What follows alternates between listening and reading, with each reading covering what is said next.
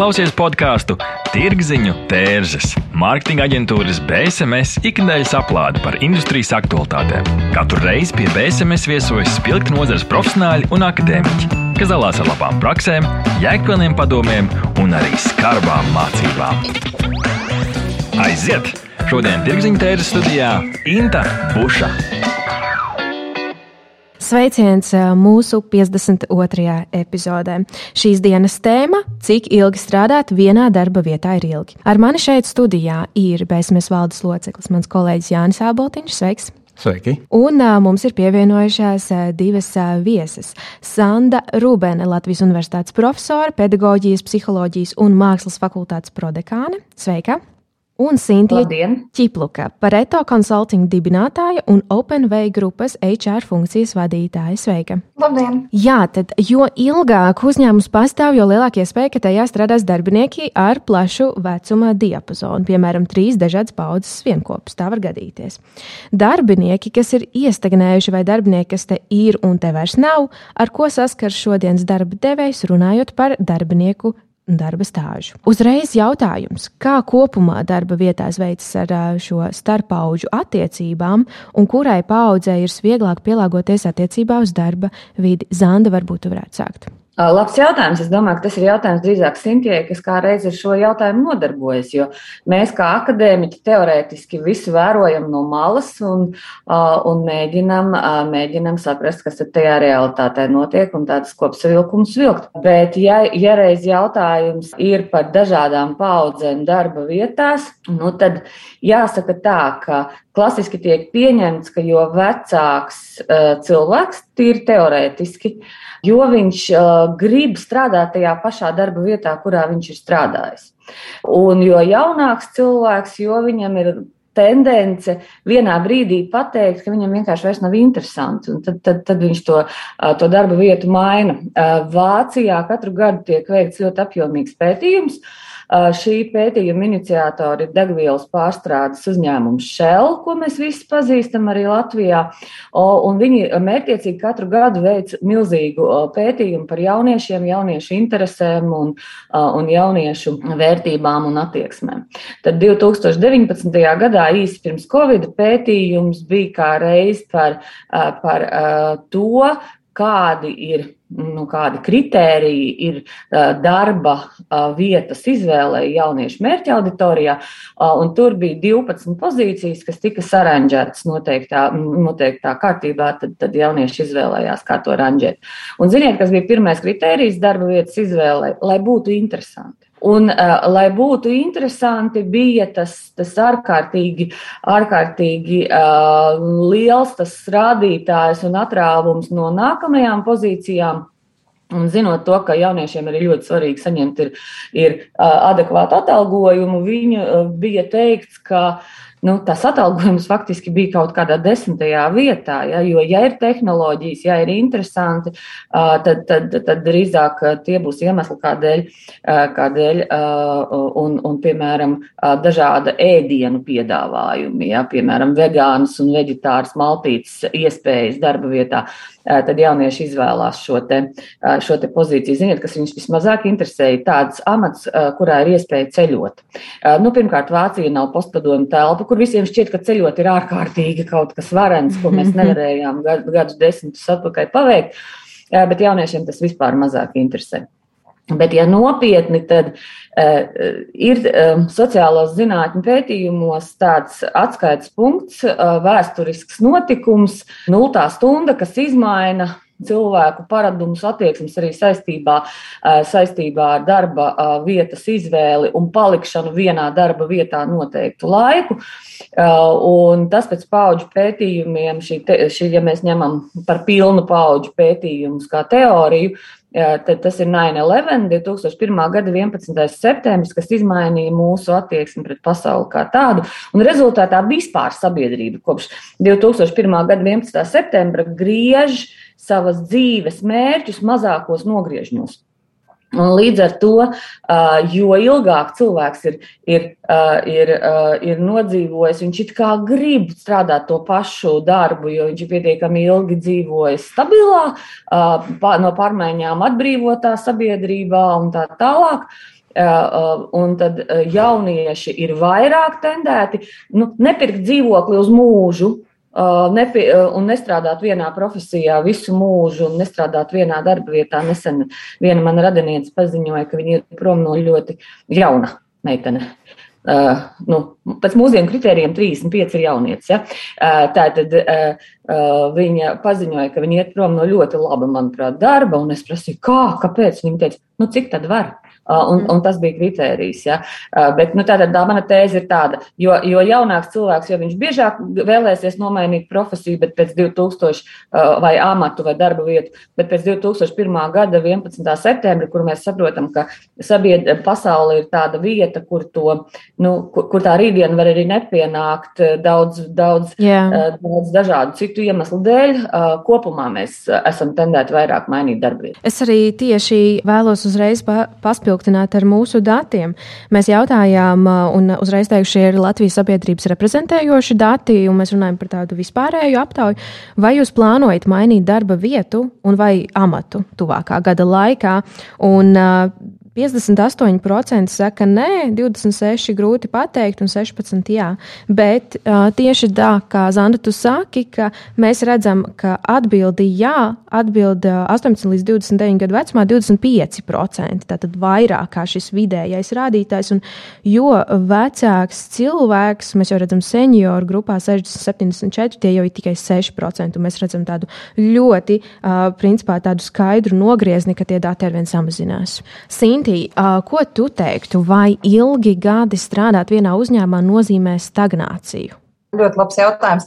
Es, man ir tas gods bijis savu profesionālo karjeru personāla vadībā sākt vienā lieliskā, fantastiskā amerikāņu uzņēmumā, ko es principā uzskatu par savu tādu tā kā Uh, kad, uh, vietu, kur es sapratu, ko nozīmē būt HR, un ar tur arī mācījos. Es varbūt šobrīd, lai nevienu neskatu, nesaukšu nosaukumu, bet es zinu, ka man uh, lielākā daļa no kolēģiem, es pat no šī uzņēmuma aizgāju 2000. gadā pēc četru gadu darbu tur, bet ļoti liela daļa no kolēģiem turpināja strādāt. Uh, principā līdz, līdz tam brīdim, kad uh, pāris gadus atpakaļ uh, to pārstāvniecību Latvijā vienkārši mazliet samazināja. Tur bija cilvēki ar stāžiem 20, 25 gadi. Un, uh, un, principā, tie ir vieni no lieliskākajiem profesionāļiem, ko es esmu savā dzīvē pazinusi. Un, un līdz ar to uh, es negribētu noteikti likt uh, visu vienā kastītē. Tur ir ļoti atkarīgs no tā, kas tas ir par uzņēmumu, cik nopietni uzņēmums uh, strādā ar šo darbinieku attīstību. Jo tas ir pilnīgi skaidrs, ka Uh, ja 20 gadus ir jādara viens un tas pats, uh, visu laiku jāliek viena skrūvīta vienā, vienā, vienā kastītē, droši vien, kad uh, nekāda laba rezultāta no to mēs nevaram sagaidīt. Bet, ja šo 20 gadu laikā tiek dota iespēja augt, mācīties, kļūt principā par cita veida jau profesionāli, tad kāpēc nē? Tā var būt īstenībā ļoti vērtīga sadarbība. Un, un es saprotu, ka mūsdienās tas vairs nav tipiski šīs, varbūt tiešām šīs ļoti ilgās nodarbinātības. Man liekas, ka reti kurš varbūt varbūt šobrīd strādā vairāk par desmit gadiem vienā vietā, bet arī tajā uzņēmumā, ar ko es šobrīd strādāju, kas ir uzņēmums no IT, eh, arī tur ir diezgan netipiski, varbūt par šai industrijai īstenībā cilvēki ar ļoti Uh, ilgstoši jau, jau noslodzi. Un, un, un īstenībā tas, ko mēs redzam, kad strādājot, ir sevišķi tas saistīts ar ļoti augstu sarežģītiem tehnoloģiskiem produktiem, tā pievienotā vērtība cilvēkam šajā industrijā tikai kļūst lielāka, jo principā viņš kļūst par tādu nu, kā subject matter eksperts savā jomā. Tā kā, principā, es neredzu neko sliktu tajā, ka cilvēks strādā ilgstoši, vienā vietā, bet tas pilnīgi noteikti vairs nav ļoti tipiski, jo tas, ko mēs, protams, redzam, ka cilvēki daudz biežāk maina šobrīd darbus un, Un, un, un, un, un runājot arī, es nebiju aizdomājies par to 11. gada ietekmi uz cilvēku pieeju, bet es, pieļauju, ka tā ir ļoti liela patiesība. Jo tas, kas man atkal lika paskatīties uz dzīvi mazliet savādāk, kad vienā no manām iepriekšējām darba vietām man ir bijusi lieliska pieredze strādāt ar galvu pētījumu par darbinieku iesaisti, engagement. Un tas, kā Galupa konsultanti mūsu kā personāla daļa pārstāvis mācīja ar šiem datiem strādāt, viņi teica, ka viens no tiem jautājumiem būs, vai cilvēks redz sevi šajā uzņēmumā vēl pēc gada. Uh, viņa teica, ja kādreiz uh, gadus 10, 15 atpakaļ uh, tāds standarta jautājums būtu, lai noteikti, cik cilvēks ir lojāls, vai tu redzi sevi šajā uzņēmumā vēl 5 gadus, tad šobrīd šādus jautājumus vispār neviens vairs neuzdod. Ja cilvēks redz sevi šajā darba vietā vēl vismaz vienu gadu, tad, tad tas jau ir ļoti augsts kvalitātes rādītājs. Un es eh, domāju, ka tas arī parāda to dinamiku. Un īstenībā arī no, no jūsu datiem tieši tas, kas man liekas, taustīs, ka es pareizi atceros, tur bija 50 pāri procenti, kas neplāno šī gada laikā mainīt darbu. Un es to teiktu, principā, tas diezgan augsts, labs lojalitātes rādītājs. Tad cilvēki ļoti apmierināti tām darba vietām, kur viņi šobrīd strādā. Es gan pazīstu arī ļoti daudz cilvēku, kas uh, strādā virs 20 gadiem vienā darba vietā. Es esmu viens no viņiem. jā, Zanda, Zanda māja roku. Jā.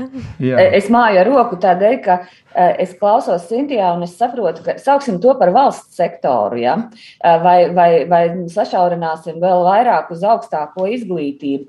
Patiesībā um, cilvēkam, kurš strādā augstākās izglītības sektorā, uh, ir iespēja aizrotēt drīzāk uz ārzemēm, nomainīt vietu, kur strādāt. Ja? Nevis, nevis atrast citu vietu tepat Latvijā, jo, jo tā tendence ir, ir, ir tāda, ka augstskolā strādājošie nelabprāt iet pensijā. Uh, Otrkārt, karjera ir ārkārtīgi lēna, un gada laikā Sintīna vispār neko nevar paspēt izdarīt. Ja? Eh, jo būtībā likums nosaka, ka, nu, ka tu vari bīdīties pa, pa kāpnēm no ātrākais pēc ik pa trījiem gadiem. Ja tu esi lektors, tad tu uzraksti disertāciju, tad tu vari kļūt par docentu. Par asociēto profesoru tikai pēc trīs gadiem tas ir minimālais, bet ideālā gadījumā pēc sešiem. Mēs griežam sešu gadu nogriežņos, un tas arī tā ir atbildes jautājumu, kādēļ jauniešus ir ārkārtīgi grūti piesaistīt. Tādēļ, ka nevar apsolīt ne, ne, ne to, ka tu, ja tu labāk strādās, tev būs lielāka alga, ne arī to bīdīšanos par karjeras kāpnēm, ja tu pēkšņi īstenos kaut kādu nu, ideālu projektu. Ja, un, un tas, tas, tas, tas, tā arī ir problēma sabiedrībā, ko man, piemēram, nav ne jausmas, kā risināt. Un nereti uzņēmumos daļa darbinieki strādā kopš uzņēmuma dibināšanas dienas, proti, ilgadējie darbinieki ar savām iestrādēm. Varbūt viņam ir grūtāk mainīt savus paradumus, ieviest jaunas inovācijas, pielāgoties. Kā jūs domājat, vai tas traucētu jauno kadru ienākšanai šajos uzņēmumos, un no kā tas ir atkarīgs? Sintīna? Tā, es, es mēģināšu varbūt Jā. Uh, paņemt šo jautājumu. Tad, tad uh, ja es pareizi sapratu jautājumu, tad jautājums uh, bija par to, vai jau uzņēmēji darbinieki strādā no pašas dibināšanas dienas, vai tas varētu traucēt kaut kādā veidā jauniem darbiniekiem, tā kā iekļauties šajā komandā. Okay.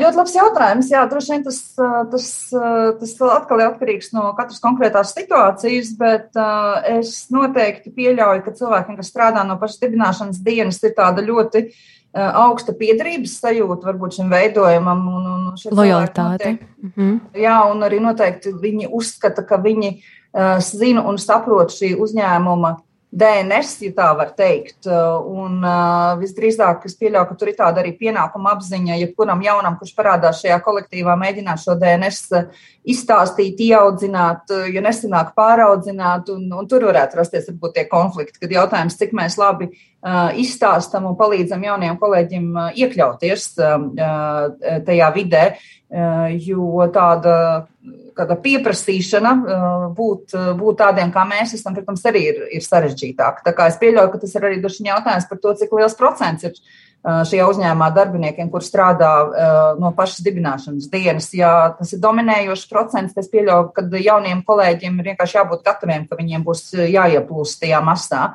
Un, šeit atkal ir viens, viens cits interesants aspekts, ko Uh, ko arī uh, noteikti būtu interesanti arī varbūt kaut kāds zinātniskos rādītājus dzirdēt par tādiem, ja ir, ir par saucamo uh, staff turnover vai kadru mainību, uh, cik uh, augstam ir jābūt šim procentam, lai tas būtu veselīgs, un kad viņš kļūst neveselīgs, un kurā industrijā viņš ir veselīgs un kurā nav. Un, lai saprastu mazliet vairāk, par ko es runāju, uh, Um, es atceros, ka vienā no manām iepriekšējām darbvietām man bija iespēja strādāt uh, uzņēmumā, kur bija diezgan liela daļa no komandas bija uh, tirzniecības aģenti.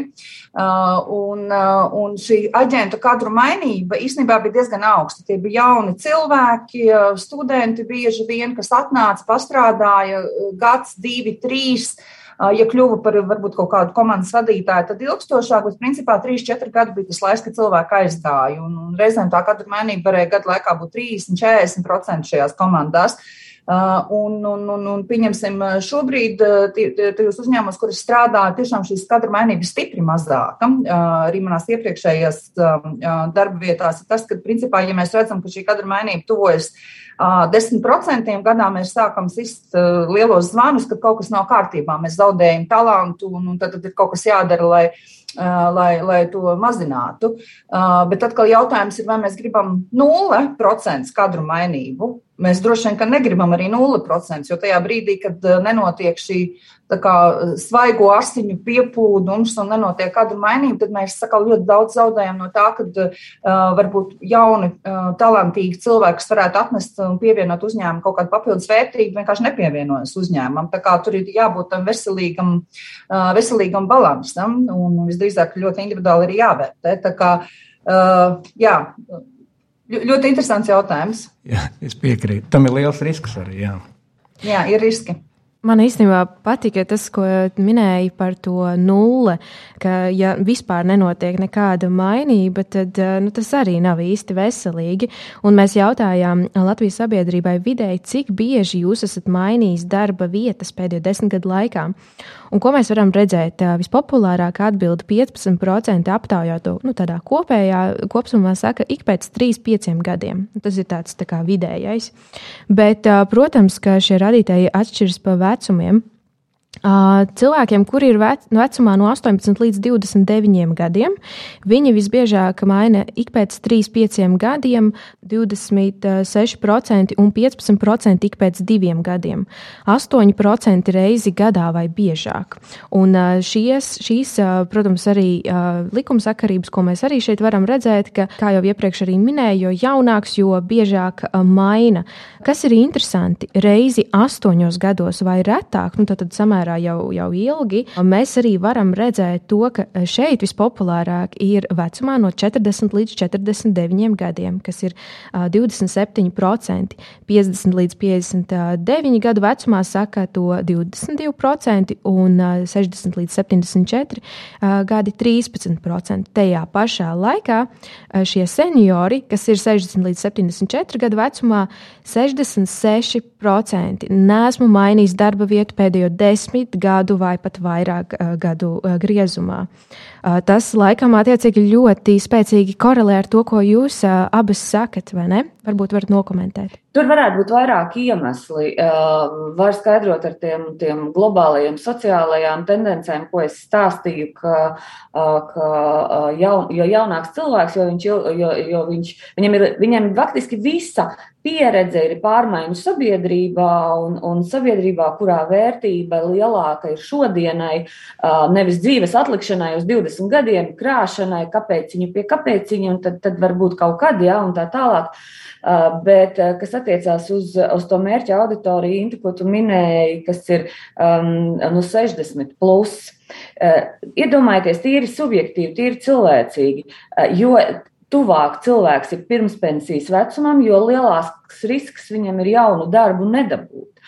Mēs labi zinām, ka ir noteiktas, um, un, un kas ir, kas ir tā šobrīd jau Latvijā paceltā eidžisma, ja, tā, tā vecuma diskriminācijas jautājums, jo Jo jūs labāk par mani zinat, ka noteiktās, noteiktos segmentos uh, tiek pat uzskatīts, ka cilvēki 50 plus īsti nav kompetenti vairāk strādāt. Ja? Un es esmu dzirdējusi šādus skumjus stāstus gan par mārketinga jomu, gan par mēdījiem, žurnālisti televīzijā, kas noteiktā vecumā vairs netiek uzskatīti par pietiekami atbilstīgiem ekrānā sēdēt ja? un ziņas lasīt. Un par tas pats, piemēram, attiecās uz stjuartiem un, un uz apkalpes, apkalpes komandām lidmašīnās. Esat pamanījuši, ka Lufthansa stjuarti ir tādi 50 gadīgi, 40 gadīgi, 50 gadīgi. Nu, Air Baltikā un daudzās citās avio sabiedrībās jūs neko tādu neieraudzīsiet. Un tātad būtībā tas, tās bailes nedabūt darbu pēc tam diezgan krietni attur cilvēku no vēlmes to darbu mainīt. Ja? Un, un, un jāsaka, bet jāsaka, Tad, ja jūs kā darba devējs vēlaties sev darbinieku, kurš desmit gadu, nu, ja jums ir tas mērķis, lai jums, tāda, jums ir tā jauniešu daļa, kura tur rotē ik pēc trim, pieciem gadiem, bet jūs vēlaties, lai būtu, būtu kaut, kādas, kaut kāda komandas daļa, kura paliktu strādāt, nu, tad, ziniet, tas 50 gadnieks jums tur taču līdz 65 gadiem paliks un strādās un nekur projām nerausies. Ja? Un, un tas varētu būt tas stabilitātes garants. Un man šķiet, ka mēs bieži vien par to pat neaizdomājamies. Bet, protams, protams viņam, viņam ir jā jābūt spējīgam apgūt jaunas, jaunas prasmes un tehnoloģijas un tā tālāk. Kas to nosaka? Jo Zanda, tu mini piemērus, piemēram, avio kompāniju biznesā, kur arī ir kā viena nozare, bet pilnīgi dažādas pieejas. Sintī, varbūt tu no praktiskās pieredzes vari pakomentēt, kas ir tas vai vadītājs, kā izveidotā vide, kā komanda dzīvo, vai kolēģi, vai uzņēmumu kaut kāda stratēģija un vispār šīs vīzijas un vērtības HR jautājumos. Kas ir tas, kas nosaka šo, šo jautājumu par paudzēm? Principā, jā, pilnīgi noteikti tādā ideālā, ļoti labi pārvaldītā uzņēmumā eh, noteikti vajadzētu būt ļoti skaidri noteiktai eh, vīzijai, misijai, pirmkārt, ko uzņēmums grib biznesa ambīciju līmenī sasniegt, un līdz ar to būtu arī diezgan skaidrs, eh, ko tas nozīmē priekš tiem cilvēkiem un darba resursiem, kas uzņēmumā strādā, tad kādas zināšanas un, un kādas prasmes, un, un ja tiek pieci profesionāli un cilvēki tiek regulāri apmācīti, motivēti, iesaistīti. Skaidrs, ka tā uh, iespējamība, ka cilvēki ar lielu prieku strādā šajā uzņēmumā uh, ilgāk, ir ļoti augsta. Uh, bet tas, ko es uh, noteikti negribētu uh, sūtīt ziņu, ka viss ir tikai uzņēmuma rokās. Protams, ļoti daudz kas ir atkarīgs no uzņēmuma, bet es gribētu akcentēt tomēr to personīgo atbildību par savu dzīvi. Jo, lai kā mēs negribētu, neviens mūsu vietā to dzīvi neiz, ne, neizdzīvos, neviens mūsu vietā jaunas zināšanas nemācīsies. Tās ir īstenībā arī tās pieejas, ko, ko mēs arī redzam varbūt uzņēmumos pēdējā laikā, kad, kad tiek aicināti darbinieki tomēr izrādīt tādu atbildību par savu izaugsmi, kad, kad ir jābūt arī šai iniciatīvai no cilvēka puses par to, ka es gribu, es jūtu, ka man tas pietrūkst, esmu gatavs mācīties. Jo skraidīt pakaļ ar zināšanu karotīti un mēģināt ieliet mutē un, un, un trāpīt un, un, un vēl palūkties, nu, lūdzu, aizbrauc uz tiem eh, semināriem vai izdara to, tā arī nav labākā pieeja. Tā kā es, es teiktu, ka tur ir jābūt uh, abām pusēm, ir jābūt uh, profesionālai darba videi, kas veicina šo izaugsmi, uh, bet arī jābūt darbiniekam, kas gatavs ir darīt. Un es domāju, ka ja mēs uh, Uh, paskatītos, varbūt tajos ļoti neveiksmīgajos piemēros, arī ka tiešām cilvēki varbūt kaut kādu iemeslu dēļ tur 50, īstenībā, man liekas, 50 tiešām mūsdienās ir tik jauns vecums, ka, vispār pat, pat negribās teikt, ka pēc 50 pēkšņi kaut kur ir izkrituši no darba tirgus. Visdrīzāk mēs šobrīd runājam varbūt par kaut kādu 60 gadu slieksni, kad visdrīzāk mēs redzēsim, ka tas nav tā, ka tur bija kaut kāds ļauns uzņēmums, ļauns liktenis. Uh, un, un, un kaut kas tika ļauns šim cilvēkam izdarīts, ka visdrīzāk tur būs arī zināma atbildība pašam cilvēkam jāuzņemās par to, kas ar viņu noticis. Jo uh, gluži tā, ka cilvēks tagad tiek izmests ārpus darba tirgu un nomirst badā uz ielas, nu, nu, tā nevajadzētu tam notikt, un visdrīzāk arī mūsdienās tā nenotiks. Mm -hmm. Zandis, skatos, tev ir komentārs, ko teikt. Eh, man kā izglītības zinātņu pārstāvim Sintīs teiktais ir kā medus, eh, un, un, un es, es ļoti, ļoti, ļoti priecājos, ka, eh, ka uzņēmēji un, un, un HR pārstāvi tā domā, jo patiesi man šobrīd ir Sintija reāli ikdiena, nu tāda pieredzes stāsts saistībā ar Covidu un saistībā ar lielu valsts uzņēmumu reorganizāciju par, par, par um, 50 uh, gadniekiem, uh, kuri patiešām ir palikuši pie tās sasistās silas un tos darbus nevar dabūt. Un atbildi ir tieši tajā, ko jūs teicāt. Uh, viņi ir nostrādājuši stabilā, diezgan nemainīgā pozīcijā vairākus gadu desmitus, un šobrīd pēkšņi nokļūstot darba tirgu, viņiem nav to kompetenci, kuri da, kuras darba tirgu ir nepieciešamas. Tās pamatkompetences, kas šobrīd uh, tiek prasītas no angļu valodas, tehnoloģijas uh, un tā tālāk, kas, kas, kas jauniešiem, nu, jaunākiem darba meklētājiem ir, ir nu, defaultā automātiski ir tās, tās prasmes. Ja?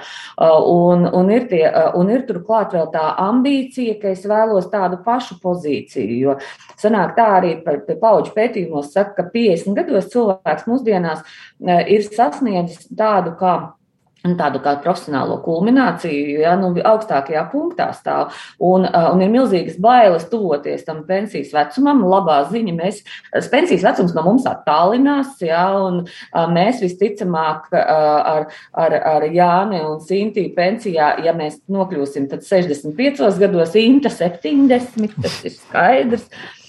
Jo ilgāk dzīvosim, jo vēlāk vidēji rietumu kultūrā, jo vēlāk tiksim pensijā.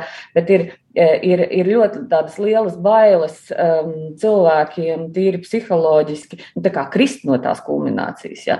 Un, un sanāk tā, ka ja man nav to kompetenci, uh, un es Un, un saprotiet, kur ir tā, tas paradoks. Vēl pirms es, es izglītības filozofijas lekcijās studentiem to stāstu, vēl, vēl tātad sanāk pirms vēl 20. gadsimta 80. gadi. Visā pasaulē ir brīdis, kad, kad vai ir laiks, kad es varu mierīgi būt profesionāls visu mūžu, ja man ir diploms, kas ir iegūts pirms 20 gadiem.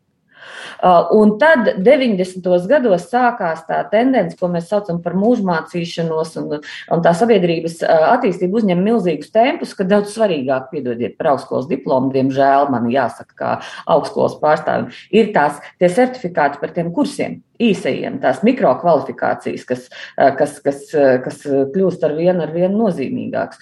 Nu, lūk, un tā šķēra veidojas tajā, ka tie cilvēki, kuri ir strādājuši ilgstoši vienā stabilā darba vietā, desmit gadus vai pat divdesmit gadus, viņi vēl vadās pēc tā Eh, priekšstata, ka augstskolas diploms ir pietiekami. Eh, un, un te parādās tā sadursme un tā pretruna, ka tad, kad viņi izkrīt no, no zaudē darbu, tad eh, ir ļoti grūti dabūt jaunu, atbilstošu iepriekšējai kvalifikācijai, ja tu neesi pieradis, ja tev nav šīs te pieredzes, kā nemitīgi, nepārtraukti to kvalifikāciju pilnveidot. Prasme mācīties, tā teikt.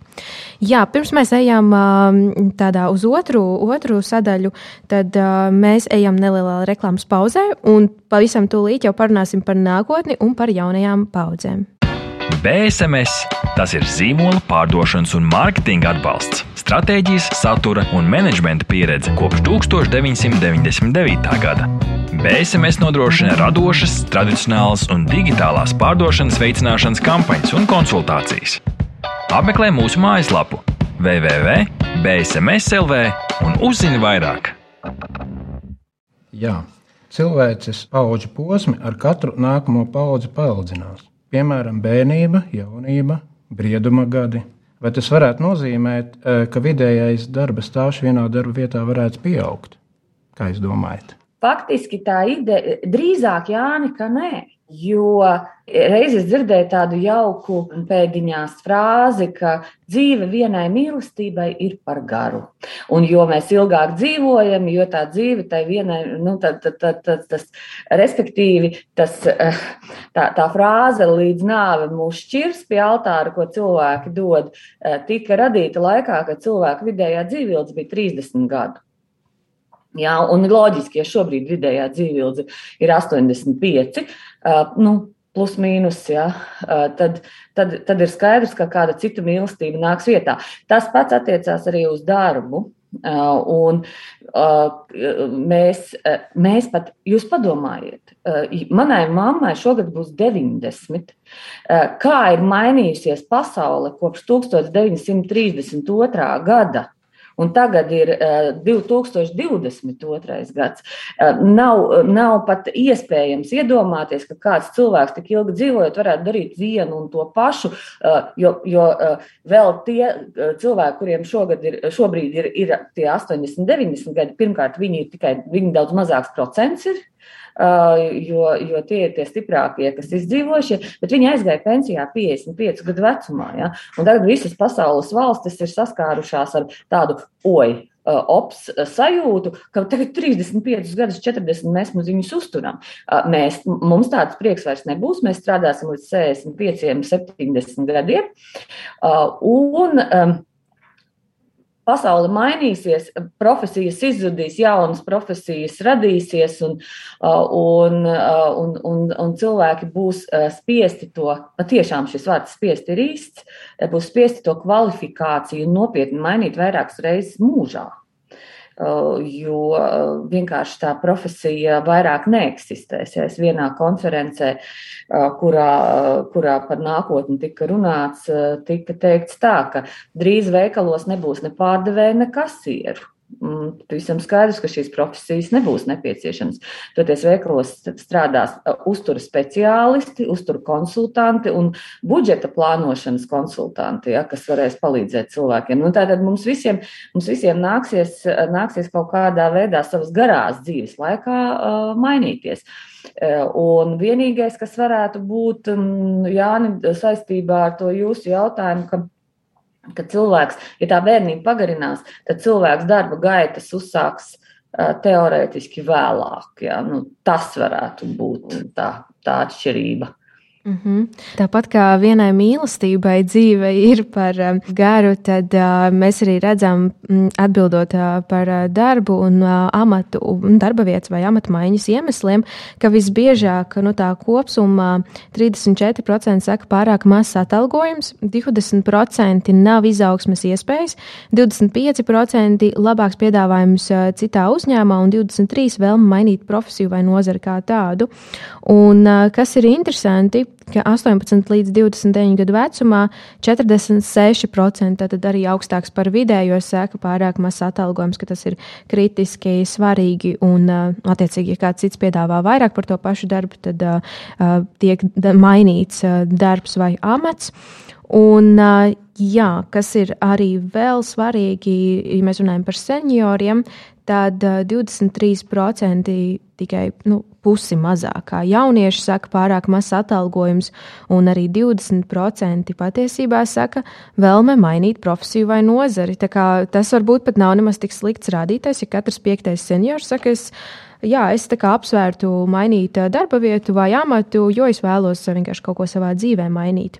Un, ja, ja mēs runājam par tādu jau jaunāku paudzi un par nākotni darba devējiem, tad uh, Jā, tad šī Z paudze, kas ir dzimuši no 2000 gadiem līdz 2015. tiek uzskatīti jā, par tādu samērā modernu paudzi, un viņi diezgan vēlas izmēģināt visu kaut ko jaunu, ir samērā aktīvi. Un ko jūs teiktu, ar kādiem izaicinājumiem ir jāsaskaras darba devējiem, tagad domājot par šo jauno ekonomisko paudzi? Uh, vai tie ir kaut kādi, teiksim, lielāki atalgojumi, vai tās ir kaut kādas jaunas iespējas, par ko Zanda mēs pašā sākumā runājām, ka teica, ka lidošana tas nav nekas ekskluzīvs darba devējiem, nav jēgas uh, to uzlikt kā tādu ļoti lielu sasniegumu un vērtību savā piedāvājumā. Sintī, varbūt tu vari pakomentēt no praktiskās puses, tieši runājot par šīm šom jaunajām paudzēm, par šiem cilvēkiem, kuri ir tikko varbūt 16, 18 gadu vecumu sasnieguši, un viņi jau ir gatavi iet uz darba tirgu sarunāsim tā, ka es īstenībā tiešām ļoti gribētu, lai Zanta varbūt pēc tam pāris vārdus par to Z paudzi pasaka, jo tāpēc, ka tā, protams, ir paudze, kas tikko, tikko sāk parādīties darba tirgu, un es pilnīgi nepretendēju uz to, ka uzņēmumi jau ir visu sapratuši, visu atkoduši, kas ir jādara. Tā kā tas aizvien ir tāds ļoti liels mācīšanās process, bet tas, kas ir pilnīgi skaidrs, ka šī Z paudze tiešām būs kaut kas ļoti atšķirīgs no iepriekšējām millennials, tur X paudzēm, tas ir pilnīgi jauna pieeja, un es nedomāju, ka darba devēji īsti ir gatavi tam. Protams, ir dažas industrijas, kā IT industrijas, kas ir uh, jau ļoti elastīgas un, un, un gatavas dažādos veidos, teiksim, šo Z paudzi uzņemt, bet es domāju, ka mēs visi vēl mācāmies. Tas būtu ļoti interesanti. Bet pirms es varbūt dodu Zandai vārdu, es gribēju pakomentēt mazliet par uh, to atalgojumu. Tad, tad uh, atalgojums vienmēr ir tāds svēta tēma. Tātad tas parasti ļoti bieži tiek minēts kā iemesls, kāpēc cilvēki maina darbu. Uh, bet uh, ko es vēlētos, vienkārši tas būtu vairāk pat uz darba devējiem ir attiecināts uh, šis komentārs, kad um, atalgojums ir tās augtais higiēnas faktors. Ko tas nozīmē? Kad atalgojumam ir jābūt godīgam, viņam ir jābūt godīgam attiecībā pret darba tirgu. Tātad par kādu konkrētu darbu nedrīkst maksāt stipri zemāk nekā konkurenti to dara. Un atalgojumam jābūt godīgam attiecībā pret iekšējo vidi. Tātad viena uzņēmuma ietvaros par līdzīgu darbu diviem cilvēkiem maksā dažādus atalgojumus. Tā ir diezgan izteikta netaisnība. Un kas notiek situācijās, kad atalgojums ir netaisnīgs, tas ļoti rauj uz leju cilvēku motivāciju. Un, principā šeit mēs redzam tās reizes, kad cilvēki pieņem lēmumu iet no darba projām, jo viņi nejūtas taisnīgi, godīgi atalgoti.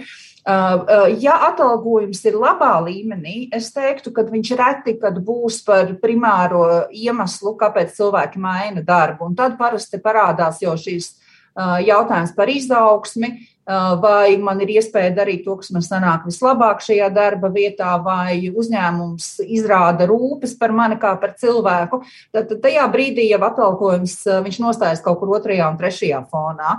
Atalgojums var būt par iemeslu, lai aiziet no darba tikai tad, ja viņš ir klāji netaisnīgs, un, un tas ir tāds aicinājums darba devējiem vienkārši sakot līdz šim taisnīguma līmenim, jo ar, arī, arī stipri pārmaksājot un cerot, ka tādā veidā tiks iegūta darbinieka lojalitāte, motivācija.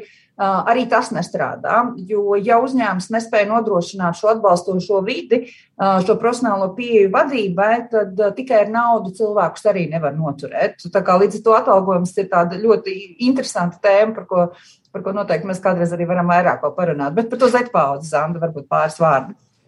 Man, klausoties Sintijā, radās citas domas. Reiz vienā konferencē um, neatliekamās medicīniskās palīdzības um, priekšniece vadītāja Cipuls kundze stāstīja par atalgojumu uh, uz līdzības pamata, ka cilvēkam ļoti patīk sēdēt laivā.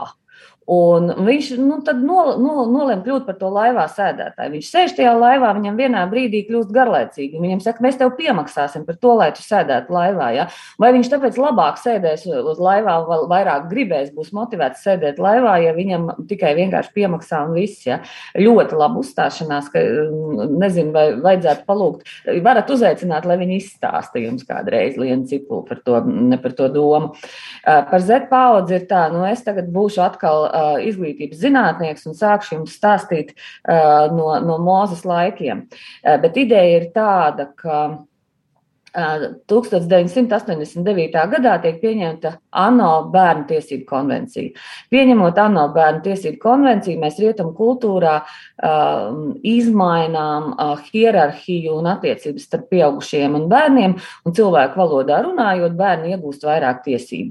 Uh, bērni kļūst līdzvērtīgi pieaugušajiem, un mēs audzinām bērnus nevis tā, kā audzināja mani un Sintiju uh, savā laikā uz disciplīnu un paklausību, mēs audzinām bērnus uz viņu viņu vajadzību apmierināšanu. Un nu, tie bērni, kas ir no pirmās dzīves dienas audzināti uz vajadzību apmierināšanu, daļai tie ir mileniāļi jau, ja, un mēs redzam, ka tā ir pietiekami prasīga darbinieku grupa. Ja. Tad Z paudze ir um, jau faktiski formējusi savas personības bērnu centrētā sabiedrībā. Un, ja manas paudzes cilvēks nāk uz darbu interviju, viņš savā ziņā, piedodiet, nāk kā lūdzējs. Viņš grib būt labs, lai viņu paņemtu. Tad Z paudzes pārstāvis nāk uz interviju kā prasītājs. Vai jūs būsiet pietiekami labi un vai man varēsiet nodrošināt pietiekami labus apstākļus? Un, un neviens ne darba, ne tas, ne tas HR pārstāvis, kas ar viņu runā, ne tas, ne tas jaunietis, viņi jau nav pie tās situācijas īsti vainīgi. Viņi tādā pasaulē ir izauguši. Un, ja Sintīs saka, ka darba devējiem īsti nav līdz galam skaidrs, kas viņi par zvēriem, pētniekiem arī nav skaidrs, kas viņi par zvēriem. Ja? Jo Um, ir um, vairāk, vairākas tādas, tādas, tādas tēzes, ja, kas ir nostabilizējušās. Um, tehnoloģija paudze uh, prioritāri vēlas. Um, komunicēt ar tehnoloģiju palīdzību. Nevis, nevis aci pret aci un cilvēks pret cilvēku, bet drīzāk ar komunikāciju starpniecību. Un Covid to situāciju labāku nepadara, gluži otrādi. Un es nezinu, vai jūs to esat dzirdējuši, bet 21, 2021. gada nogalē bērnu tiesību konvencija tika papildināta ar jaunu komentāru. Šobrīd ir tur ierakstīts, ka ir vēl viena cilvēka tiesība piekļūt digitālajām tehnoloģijām. Un tas patiešām ir kļuvis par, par uh, juridisku faktu, ka uh, um, digitālās tehnoloģijas ir cilvēktiesību jautājums. Un uh, Covid kontekstā es lasīju pētījumu. Nu, tādu kā pētīju, pētījumu izvērtējumu, jo tas nebija zinātnisks. Es, ne, es, es to lasīju vienkārši mēdījos, ka uh, personīgā higiēna un, un tā ķermeņa fiziskā drošība kļūst uh, Z paudzē par ļoti svarīgu faktoru, kādēļ viņi, uh, nu, domājot par epidemioloģisko situāciju un tā tālāk, ja, uh, kādēļ viņi, piemēram, var vispār pat atteikties ieņemt tādu amatu, kur ir jāceļo uz ārzemēm. Es, es biju Eh, gar zemi brīdī, kad es studentei saku, tev ir ļoti labs referāts, mēs tev sūtīsim komandējumā. Latvijas universitāte tev apmaksās lidmašīnu un, un viesnīcu un, un dienas naudu. Eh, un es pēc sevis spriežu, ka cilvēks sajūsmās pieks un, un leks, eh, un viņi, viņi man saka tā.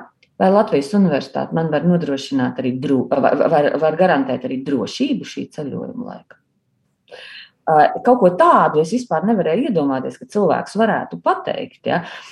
Un, un tas, tas ir tāds, tāds diezgan būtisks, būtisks raksturojums, ka, kādēļ arī, arī tā, tā komunikācija caur tehnoloģijām tiek prioritāri izvēlēta. Ja? Nu, pirmkārt, paradu, pieradumi, mm -hmm. paradumi un, un tā dzīve tajās divās, divās realitātēs ir daudz pieņemamāka iepriekšējām paudzēm. Vēl ir viena interesanta lieta, kas saistās ar Z paudzi.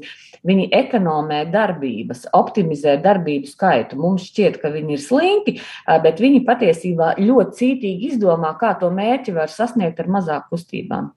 Uh, nu, nedarīt neko lieku, nedarīt neko nevajadzīgu. Prioritāri patīk darbs komandā, jo, un atgriezeniskās saiknes uh, saņemšana zibenīga. Ja es ieslēgšos savā kabinetā un fiks, fiks pastrādāšu, lai, lai pēc tam iznāktu ārā un būtu varenāka ja, par visiem pārējiem, un, un man pēc tam priekšniecību uzslavētu, tad Z-paudzes pārstāvis drīzāk darbosies komandā, un tad tajā komandā saņemot atgriezenisko saikni, nav nepie, ir mazāka iespēja kļūdīties un lieki tās kustības izdarīt. Ja. Uh, un, un tāpēc Open Office kā reizi Z paudu, nu, tāda, līdz 25 gadiem Open Office uh, ir, ir, ir tāda ļoti patīkama izvēle, jā, mērķa auditorijai, tālu pētījumu liecina. Jā. Uh, Man kā uzņēmuma īpašniekam ir arī par ko padomāt šajā jautājumā. Bet arī mēs arī plānojam ilg, ilgtermiņa stratēģijas un domājam, kas notiks pēc daudziem gadiem, nu, 10, 13. Tad, ko mēs ko sagaidīsim no jaunākās A paudzes, kura uzsāks savus darbu gaitas pēc 12, 13 gadiem? Kā jāgatavojas? Zanda groza galvu. Jā, tas bija no jautājums Zandai sagatavot īpaši, jo varbūt ir kaut kādi, nezinu, pareģojumi, pētījumi, kas uz to balstīti. Ko darīt, ko sagaidām? Mēs patiesībā nu, nevaram izpētīt kaut ko, kas notiks nākotnē, un, un tik maziem bērniem mēs vēl īsti nevaram. Jo, ja mēs uzskatām, ka alfa paudze ir datējam no 15. gadā, un alfa paudze ir, ir saucamie digitālie mazuļi, un tā ir paudze, ko rada skārienu jutīgā ekrāna klātbūtne cilvēku ikdienā, un, un tas, ka mēs 24/7, 24 stundas diennaktī esam pieslēgti internetam. Eh, un tad, tad iedomājieties, eh, ka, ka, ka, ka, eh, kā tas ir, ka jūs nekad pasaulē, nekad mūžā neesat dzīvojuši situācijā, kur internets nav klātesošs, un vidēji 11 mēnešu vecumā bērns pirmo reizi piekļūst tehnoloģijām ar internetu pieslēgumu. Un ir skaidrs, ka viņi konstruēs savu pieredzi pilnīgi citādāk, un, un arī um, komunikācijas veidi būs atšķirīgi, jo uh, Jo es nezinu, kā jūsu seniori un, un kā jūsu mīļie un tuvie cilvēki, kas ir gados veci, nu, viņi visticamāk jau sūdzās jums, ka jūs pamaz ar viņiem sarunājaties, ja, jūs nemitīgi esat tajās tehnoloģijās un tā. Un, un ar to, to alfa paudzi, nu, tur tiek pētījumos runāts par, par to, piemēram, ka ja mēs šobrīd runājam par dažādām diskriminācijas formām, tā alfa paudze saskarsies ar diskrimināciju starp mākslīgo intelektu un, un, un, un humanoīdiem. Ja? Un, un tas, tas ir milzīgs izaicinājums arī izglītības sistēmām, kur, kuru, kuras pārstāv es, ka, piemēram, nu, kam tad jābūt, ko ir jāmācās skolā? Ko ir jāmācā augstskolā, ja ir skaidrs, ka, lai cik mēs censtos apgūt zināšanas un faktus, tas mākslīgais intelekts par mums būs gudrāks. Ja? Un, un starp citu, šogad pavisam nesen, pirms, pirms mēneša aptuveni nāca klajā UNESCO ziņojums par izglītības nākotni 2050. gadā. Mēs neviens nevaram vispār stādīties priekšā, kas varētu, kāda varētu pasaule izskatīties 2050. gadā. Paskatieties, Terminatoru, tur jau 2020. gadā viss ir beidzies. Ja? Un, un 2050. gadā tiek runāts par to, ka, ka cilvēkam daudz biežāk būs jādomā par, pirmkārt, viņš būs digitāls, Ja, tāda digitālā kompetence ir, ir, ir svarīgāka. Viņam būs daudz biežāk jādomā mm, zinātnes kategorijās, ko mēs šobrīd Covid kontekstā ļoti labi redzam, cik, cik liela problēma ir tā, ka lielai daļai sabiedrības nepiemīt zinātniskums. Tātad skolās, un pie tam tas zinātniskums neat, vai zinātnība neattieksies, ļoti labs vārds latviešu valodā šobrīd ir radīta zinātnība, neattieksies tikai uz zinātniekiem, bet tāda, tāda uh, real life based, uh, reālā dzīvē pamatota zinātnība, ko mēs ikdienā zinātniskās kategorijās domājam, jo mūsu ikdiena jau šobrīd ir pārsātināta ar zinātnes sasniegumiem. Nu, tad stādieties priekšā alfu, alfa paudzi, kas tur būs. Uh, un trešais ir, uh, mēs vēl neesam iztulkojuši humanistika literācija. Un tā cilvēcības pratība vai cilvēcības vērtības ir saistīta ar ar planētas Zeme izdzīvošanu un cilvēces izdzīvošanu, klimats un visas tās tēmas. Un līdz ar to atbildi uz, uz Jāņa jautājumu visticamāk izlasiet UNESCO 2000, izglītību 2050. Tur arī ir tās alfas paudzes, tās spēcīgākās puses, ja, kur, kur mēs Man par lieliem priekiem vairs nerunājam tikai un vienīgi par eksaktajām tām saucamajām STEM zinātnēm, bet runājam gan par, par sociālām zinātnēm, gan par humanitārām zinātnēm, ka cilvēkam ir nepieciešama šī te, uh, ētiskā un sociālā dimensija daudz vairāk būs nepieciešama nākotnē nekā šobrīd. Jā, mēs eh, šajās eh, minūtēs esam apskatījuši ļoti daudz eh, jautājumus, kas ar darba stāžu, strādāšanu vienā amatā, starp dažādām paudzēm, dažādām vecuma grupām. Un nobeidzot šo epizodi, vēlos jūs lūgt tā pavisam īsi apkopot, kas ir tā galvenā esence vai, vai tiešām tāds novēlējums vai ceļa vārdi mūsu klausītājiem, kas var būt gan HR um, pārstāvji, gan uzņēmuma vadītāji, uh, gan arī studenti mūsu klausās diezgan daudz. Un, uh, jā, tad uh, varbūt jūs pat varat atbildēt uz jautājumu, cik ilgi strādāt vienā darba vietā ir ilgi, kas ir mūsu epizodes nosaukums. Sintīna, varbūt tu vari sākt. Novēlējums. Es pieļauju, ka tas ir tieši tas, ko Zantu minēja, ka jaunieši īstenībā tam ir noteikti daudz vairāk gatavi jaunā paudze nekā varbūt tajā laikā, kad es augu un aizvien vēl kā es skatos uz lietām. Es dušiem domāju, ka jāstrādā tik ilgi, kamēr tas sagādā prieku, vai kā Zanta sāka, kamēr, kamēr tas ir interesanti. Jo, Uh, jo tajā brīdī, kad mēs sākam jau sev piespiest kaut kur palikt un, un saprotam, ka Dievs tur vecums un, un viss būs slikti, ja es aiziešu un tā, uh, tad mēs īstenībā ļoti daudz darām sev pāri. Uh, tur nāk visas tās izdegšanas, un es pieļauju, ka tur var pie vesela klāsta slimībām tikt uz psihozomatikas pamata. Tā kā, tā kā noteikti es ieteiktu tiešām turpināt strādāt darba vietā, kas dod iespēju darīt lietas, kas patīk. Ja ir labs uzņēmums, viņš noteikti piedāvās iespēju uh, augt un rotēt uz citām funkcijām, amatiem uh, ar zināmu regularitāti, lai saglabātu, saglabātu šo interesantumu. Un, ja šādas iespējas beidzās un vairs nav tā iekšējā piepildījuma, tad, tad jā, nu kāpēc ne? Tad ir jāiet un jāskatās, ko vēl pasaule piedāvā. Sanda? Es lielos vilcienos vai faktiski kopumā piekrītu Sintijai, un tad es domāju, ko es vēl varētu gudri piebilst.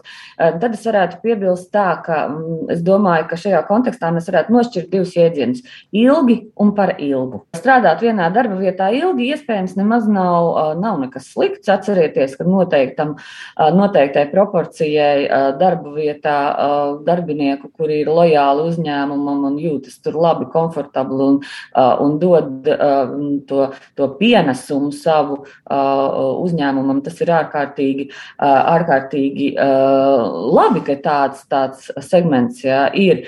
Jo patiesībā es varētu uzdot filozofisku jautājumu, vai tiešām ilgi strādāt vienā darba vietā ir slikti. Ja, bet, protams, ir cits jautājums. Tas ir tas, ir tas um, kurā brīdī mēs saprotam, ka mēs par ilgu jau tur atrodamies. Un tur pētījumi piedāvā dažādus kritērijus. Es vienkārši nedaudz pagatavojos ja, šai sarunai.